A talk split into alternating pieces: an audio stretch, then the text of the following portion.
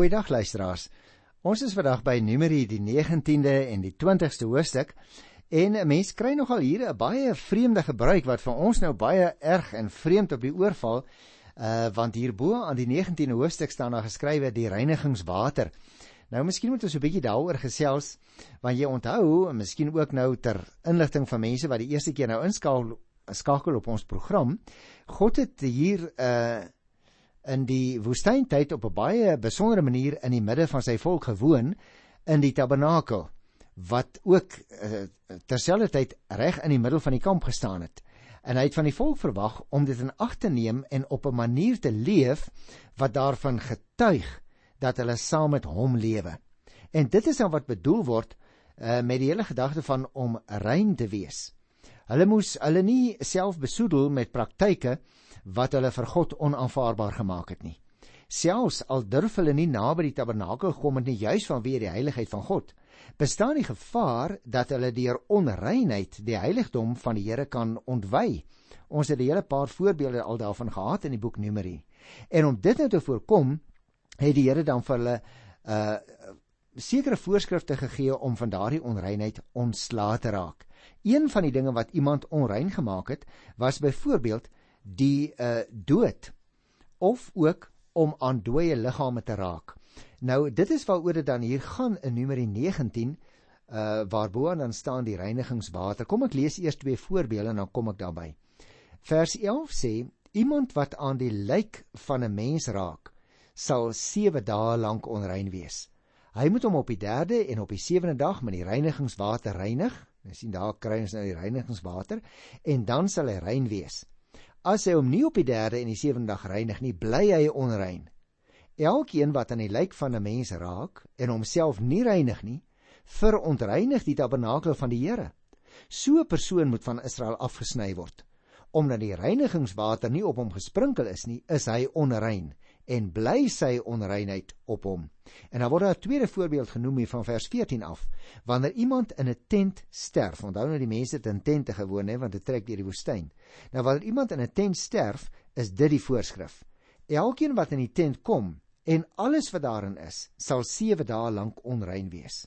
Ook elke gebruiksvoorwerp wat nie met 'n deksel toegemaak is nie, sal onrein wees enige iemand wat in die veld aan 'n persoon raak wat doodgemaak is of aan iemand wat gewoon gesterf het of aan 'n mens been of aan 'n graf sal 7 dae lank onrein wees. En nou weer die voorskrif. Wanneer 'n persoon op hierdie manier onrein geword het, moet iemand die as vat van die sondeoffer wat verbrand is en dan is daar 'n hele hele ritueel wat voorgeskryf word en dit word dan gemeng met water en dit is dan bekend gewees as die sogenaamde reinigingswater. Nou luisteraars, die agtergrond van hierdie afkeur van die dood is natuurlik moontlik die godsdienstige gebruike wat daar in die heidense godsdienste rondom die dood bestaan het. Wanneer 'n Israeliet nou met 'n dooie in aanraking gekom het, moet hy eers weer rein gemaak word eers weer losgemaak word van die dood as dit ware en by hernuwing aan die Here toegewy word. Nou verskillende middels en metodes is hiervoor gebruik. Een daarvan was dan deur 'n spesiale offer, byvoorbeeld 'n koei, te bring. En nadat dit op die altaar geoffer is, is die as daarvan bymekaar gemaak en in die water gegooi. Dit is die perikope wat ek nou net gelees het. En die water is dan as reinigingswater gebruik waarin die onreine hom kon was alvorens hy weer in die nabyheid van God kon toegelaat word. Nou vir jou en vir my as eie tydse mense is sulke praktyke baie baie vreemd. Vir die Christendom is daar egter natuurlik net een manier om vir God aanvaarbaar te wees. Deur te glo in Jesus Christus in sy liggaam en sy bloed wat vir ons uh geoffer is op Golgotha, is ons rein voor God en kom hy ook by ons woon. Hy kom in ons lewens in deur sy Heilige Gees en hy kom woon ook in sy kerk en in die harte van sy kinders. Sy Gees leer en lei ons om alle afgode en dooie werke te laat staan en met volle oorgawe vir die Here te lewe. Hy leer ons ook om uh, ons te verset teen alles wat kwaad is, alles wat sleg is. Uh alles wat kan skeiding maak tussen ons verbintenis met hom en ook onderling En so leef ons uit God en deur God en tot God. En ek dink luisteraar, jy sal seker net so graag soos ek eerste wees om te bely, "Jo, ek is so groot sondaar. Ek leef dikwels selfs as kind van die Here op so 'n manier dat my lewe nie getuig daarvan dat ek 'n rein mens geword het op grond van die bloedwassing van die Here Jesus waardeur ek gegaan het nie. En daarom roep gedeeltes selfs uit die Ou Testament soos hierdie ons op om by hernuwing ons lewe en ons verhouding met die Here Jesus onder die vergrootglas te plaas. Leef ons rein lewens voor die Here. Rein lewens teenoor mekaar, want dit is waaroor dit gaan ook hier in Numeri by die 19de hoofstuk. Nou gaan ek so 'n bietjie meer aandag gee aan Numeri 20. Die opskrif is water uit die rots. En weer eens luisteraars het het ons hier 'n voorbeeld waar dit gaan oor opstand teen God. En nou ten diepste wil ek eers sê is opstandigheid teen God in die kern van die saak eintlik 'n stuk ongeloof. Opstandigheid bestaan gewoonlik ek herhaal dit net. Opstandigheid bestaan gewoonlik by ons nie uit openlike rebellie nie, maar is geleë in 'n subtiele handeling, dinge soos klagtes en twyfelvrae wat daar in ons harte is teenoor die Here. En dit is alles maar net tekens dat ons nie altyd werklik wil glo in die Here se almag nie, in sy vermoë om ons te beskerm en te bewaar nie. Ons wil nie ons lewenspad regtig saam met hom loop nie. On, on, ons wil maar altyd weer ons afhanklik maak van ons eie vermoëns, van die voorsiening wat ons self maak. En ons is nie altyd in noue verbondenheid en in afhanklikheid aan die Here toegewy nie. Nou dit is waaroor dit ook gaan hier in Numeri 20 waar die mense weer eens uh deur hulle omstandighede getoets word, maar so vaskyk daarteenoor dat hulle die Here se almag nie sien nie. En die reeks opstande uh teen God wat ons nou al uh verskeie kere teëgekom het, gaan dis eintlik maar hier net voort. Selfs Moses en sy broer Aaron maak hulle nou skuldig aan opstand teen die Here. En daarom ontvang hulle dieselfde oordeel wat die Here by Kades oor die volk uitgespreek het. Ook hulle sal uiteindelik saam met die generasie wat uit Egipte weggetrek het, uitsterf en hulle twee sal ook nie in die beloofde land gaan woon nie. Hierdie hoofstuk gaan dus oor Moses en Aaron se opstand. Verdere uitstel van die intog in die land vir die ander mense en hierdie keer as gevolg van die vyhandigheid van Edom en die uitvoer van God se oordeel wanneer Aaron sterf daarvan vers 22 af. Nou goed, kom ons kyk na die eerste 13 verse. Dalk moet ek dit lees en dan gesels ons so 'n bietjie daaroor. Die hele volk Israel het in die eerste maand in die Sinaï woestyn aangekom en toe by Kades oorgebly. Miriam is daar oorlede en is ook daar begrawe. Omdat die volk geen drinkwater gehad het nie, het hulle saam teen Moses en Aaron rusie gemaak en gesê: "As ons maar liewer ook omgekom het toe ons volksgenote deur die Here om die lewe gebring is. Waarom het julle die volk van die Here na hierdie woestyn toe gebring dat ons in ons vee hier moet sterwe? Waarom het julle ons uit Egipte land laat optrek en ons na hierdie ellendige plek toe gebring? Hierdie plek deug nie vir graan of vye, vir wingerde of granate nie en daar's geen drinkwater nie." Moses en Aaron het weggedraai van die volk af. Toe hulle by die ingang van die tent van ontmoeting kom, het hulle op hulle knieë geval terwyl die magtige teenwoordigheid van die Here sigbaar geword het.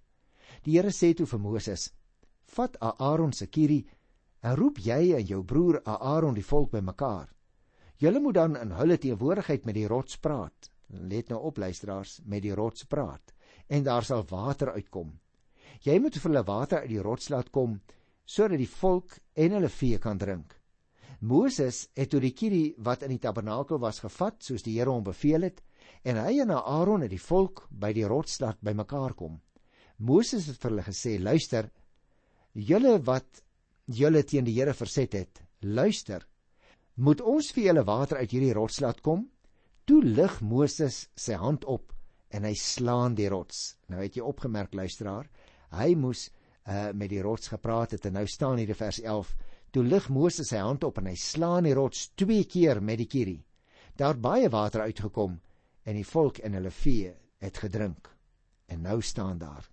Maar toe sê die Here vir Moses en Aaron omdat julle my nie erken het nie en my die heilige nie ek herhaal omdat julle my nie erken het en my die heilige voor die Israeliete gehoorsaam was nie sal julle hierdie volk nie inlei in die land wat ek aan hulle gee nie.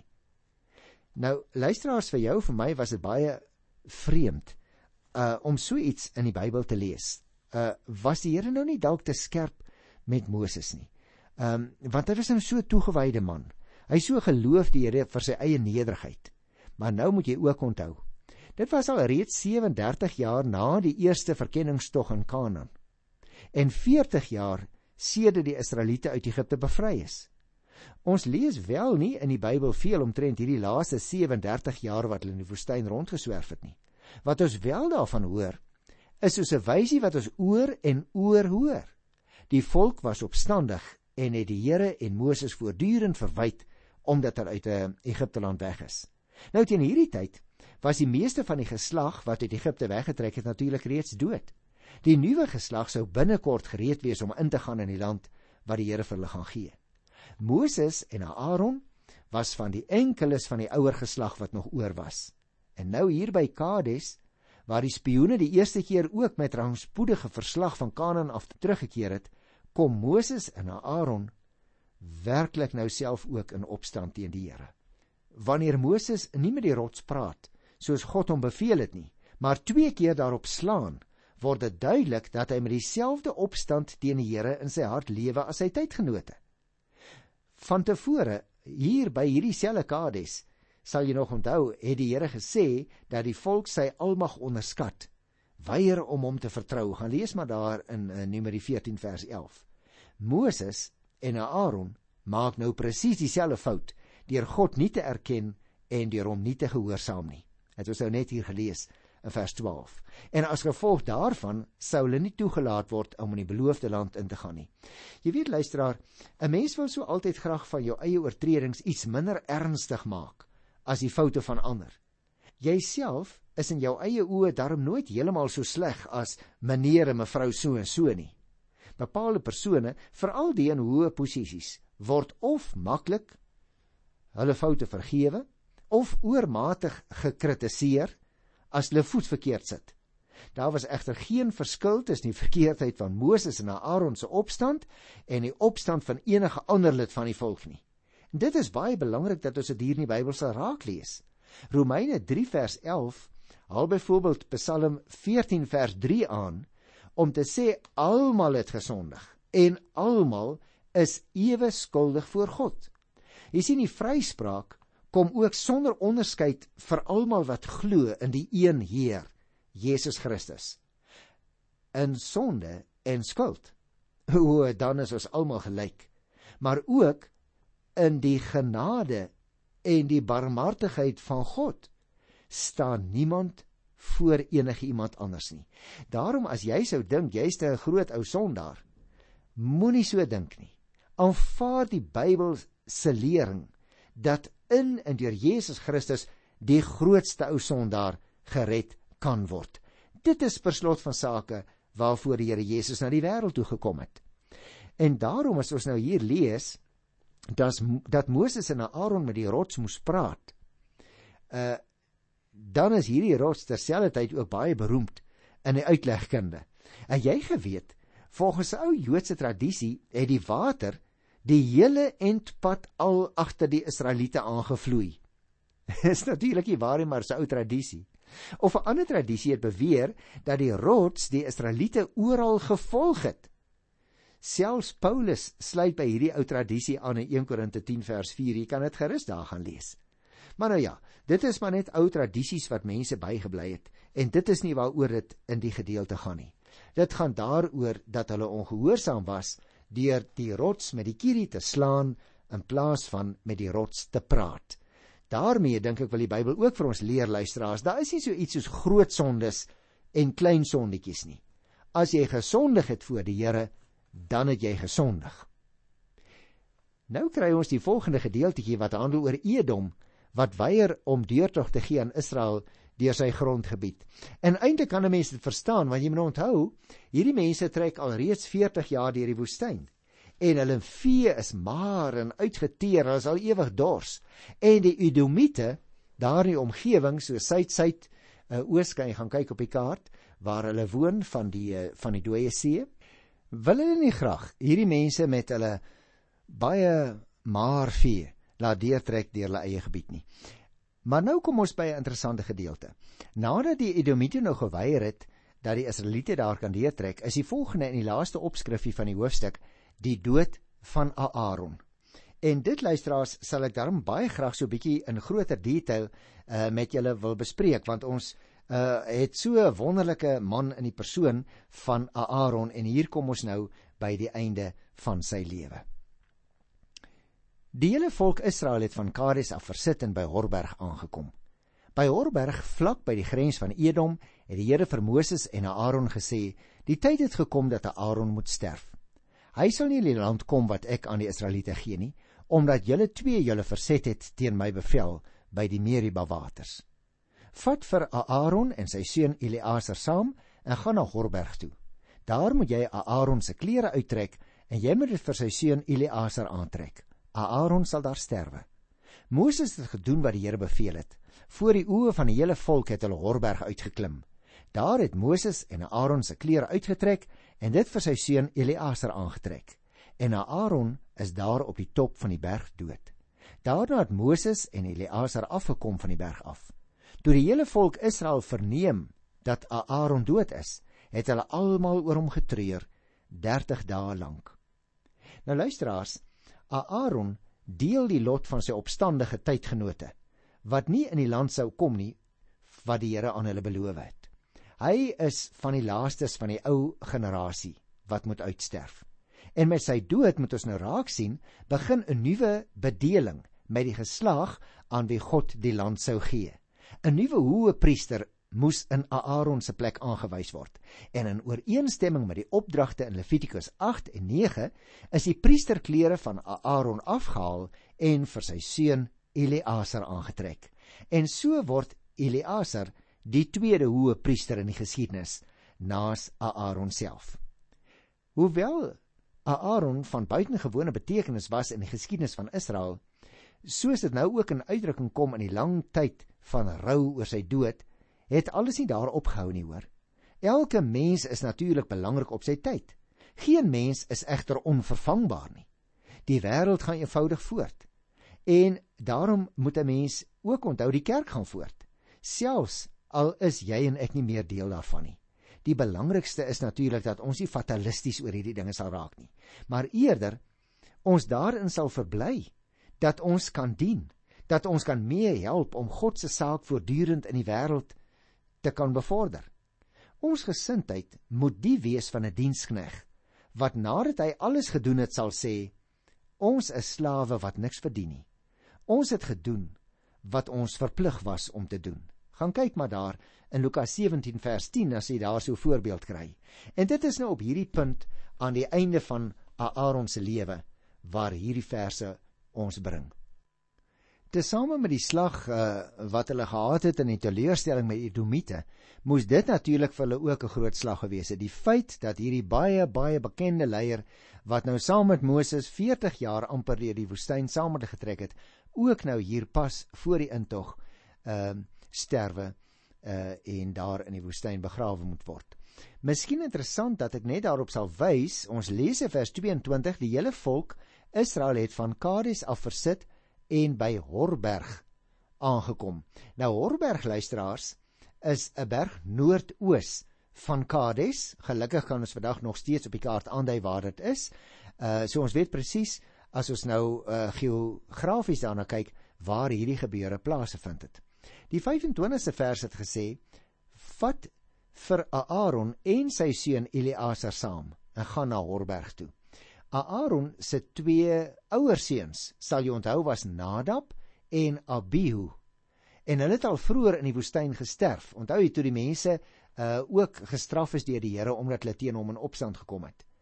Eleazar was dus Aaron se opvolger.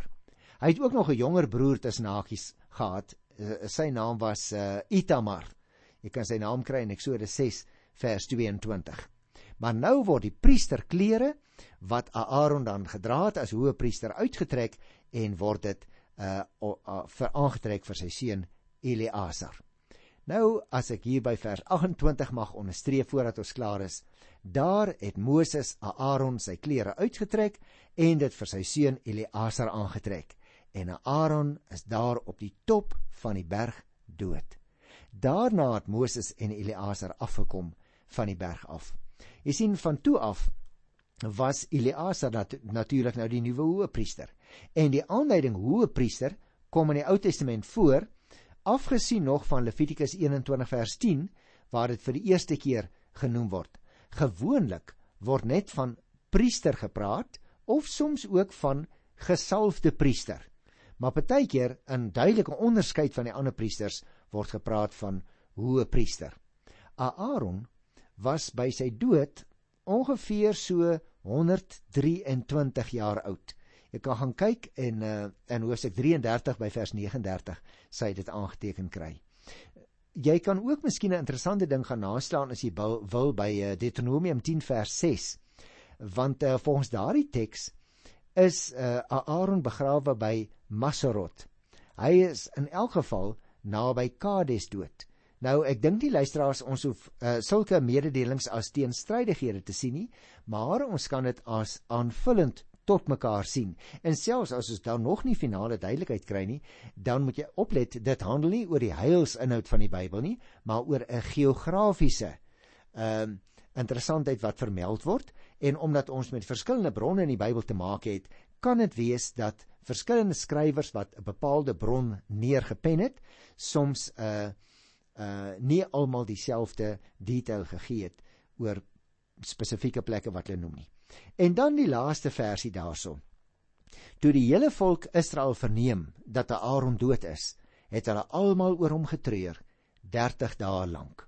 Nou die Israeliete het ewe lank getreur oor Aaron as oor Moses. Uh onthou jy dit dat ons in Deuteronomium 34 vers 8 ook 'n beskrywing kry van Moses se dood en dan staan daar dat die volk 30 dae oor hom ook getreur is. Nou, ek dink nie daar lê nou spesifieke betekenis in nie, behalwe om miskien uh, daaruit die afleiding te kan maak dat Aaron net soos Moses erken is deur die volk as baie baie belangrike leiers onder hulle. Dit dui op die godsdienstige en die nasionale betekenis van hierdie manne, want die gewone routyd was eintlik maar 7 dae. Uh dit kry 'n mens uh in Genesis 50 vers 10. Maar in plaas van 7 dae word dan oor hierdie twee roemryke manne met hulle roemryke lewens aan die einde daarvan elkeen 40 dae getreur. Luisteraars, dit bring ons dus eintlik ook aan die einde van 'n baie belangrike era. Want met uh, die dood van Aaron het een van die sterkste leiers wat die volk ooit geken het, geëindig. Ek dink dit roep jou en my ook op om vir onsself af te vra as die hek nou vir die laaste keer agter jou en my lewe toegestoot word sal daar ook op die hek geskrywe word huis toe. Sal ons lewens ook 'n getuienis gewees het vir die Here of nie? Jy sien luisteraar 'n mens besef dit baie keer en jy doen nie regtig iets daaraan nie. Maar wie die probleem is jy en ek weet nie wanneer ons sterfdag opdaag nie. Hy kom onverwags soos 'n dief in die nag vir baie van ons En daarom kom ons skry ook ons eie lewens in orde. As ek nou 'n slotwoordjie mag sê oor hierdie gedeelte wat ons nou gedoen het hier by uh Numeri die 20ste hoofstuk, dan wil ek sê die hoofstuk begin so mooi met water uit die rots, maar dit eindig eintlik so tragies met uh twee sterk godsdienstige leiers wat nie presies in detail gedoen het wat die Here vir hulle gesê het nie. En daaruit maak jy en ek ook die afleiding Ons moet nie sommer so sito sito al te maklik sê. O, jy weet, uh, ag ek het nou hierdie dingetjie gedoen. Die, die Here verbied dit in sy woord, maar sien so erg nie hy verstaan. Sê wie? Wie sê dit? Jy sien, 'n uh, broer en suster, as die Here vir ons 'n ding sê, dan moet ons dit baie ernstig neem. Ons moet nie sommer self besluit ag hierdie hierdie sondetjie was nou nie so erg nie. Daar is nie groot en klein sondes voor die Here nie. 'n Ding is reg of hy is sondig in die oog van die Here. En as die Here selfs nie gehuiwer het nie om vir Moses en Aaron wat hierdie geweldige rol gespeel het in die heilsgeskiedenis te ons sê dat hulle die beloofde land mag ingaan nie. Hoeveel te meer en ek moet jy gewaarsku wees. Ons lewens wat so krom is. Kom ons wy ons aan die Here toe. Kom ons lei sulke lewens wat 'n getuienis van genade sal wees ook lank nadat ons gesterf het. Ek groet jou in die wonderlike naam van Jesus Christus, die Here, die lewende Here. Tot volgende keer. Totsiens.